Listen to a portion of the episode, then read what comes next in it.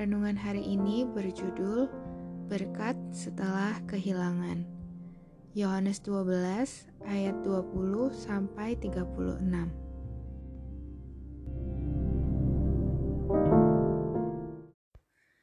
Yesus memberitakan kematiannya. Di antara mereka yang berangkat untuk beribadah pada hari raya itu, terdapat beberapa orang Yunani. Orang-orang itu pergi kepada Filipus yang berasal dari Bethsaida di Galilea. Lalu berkata kepadanya, "Tuan, kami ingin bertemu dengan Yesus." Filipus pergi memberitahukannya kepada Andreas. Andreas dan Filipus menyampaikannya pula kepada Yesus. Tetapi Yesus menjawab mereka, Katanya, telah tiba saatnya anak manusia dimuliakan.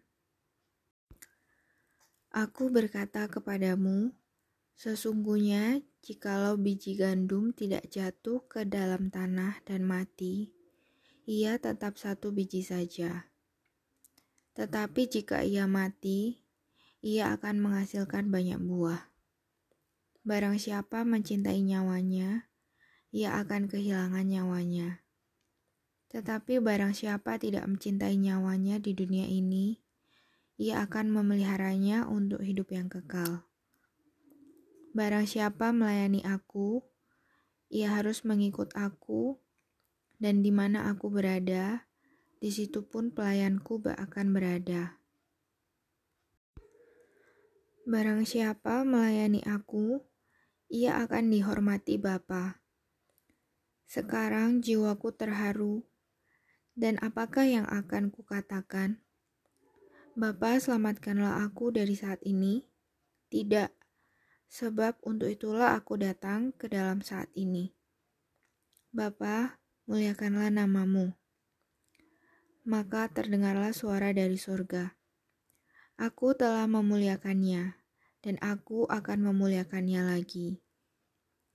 Orang banyak yang berdiri di situ dan mendengarkannya berkata, bahwa itu bunyi guntur. Ada pula yang berkata, seorang malaikat telah berbicara dengan Yesus.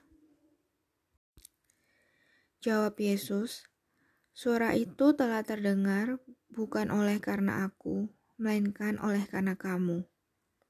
Sekarang berlangsung penghakiman atas dunia ini. Sekarang juga penguasa dunia ini akan dilemparkan keluar. Dan aku Apabila aku ditinggikan dari bumi, aku akan menarik semua orang datang kepadaku. Ini dikatakannya untuk menyatakan bagaimana caranya ia akan mati. Lalu jawab orang banyak itu, "Kami telah mendengar dari hukum Taurat bahwa Mesias tetap hidup selama-lamanya. Bagaimana mungkin engkau mengatakannya bahwa Anak Manusia harus ditinggikan?" Siapakah anak manusia itu? Kata Yesus kepada mereka, hanya sedikit waktu lagi terang ada di antara kamu. Selama terang itu ada padamu, percayalah kepadanya, supaya kegelapan jangan menguasai kamu. Barang siapa berjalan dalam kegelapan, ia tidak tahu ke mana ia pergi. Percayalah kepada terang itu Selama terang itu ada padamu, supaya kamu menjadi anak-anak terang. Sesudah berkata demikian, Yesus pergi bersembunyi dari antara mereka.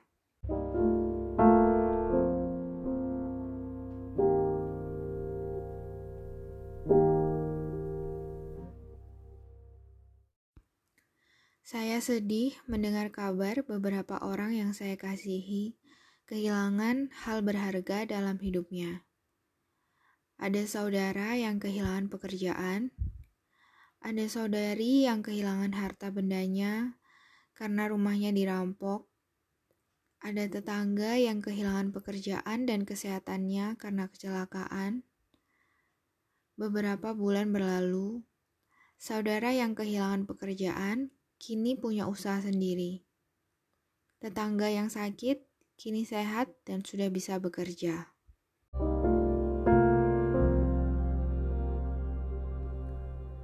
Kadang Tuhan izinkan kita kehilangan hal-hal yang berharga, agar kita belajar untuk tidak mencintai hal-hal duniawi.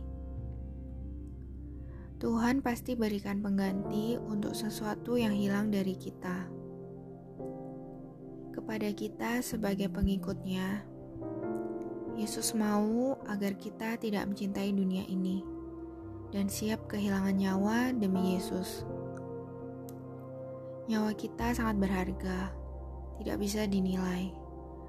Tapi jauh lebih berharga hidup yang kekal pemberian Tuhan. Kalau Yesus sebagai anak Allah bersedia kehilangan nyawa, dan sudah kehilangan nyawa demi menaati kehendak Bapa, dan agar nama Bapa dimuliakan, kita hendaknya melakukan hal yang sama. Yesus setelah mengalami kematian, bangkit di hari yang ketiga. Kita berhak sedih setelah kehilangan. Tapi percayalah, ada berkat atau pelajaran hidup berharga yang sedang Tuhan ajarkan kepada masing-masing kita.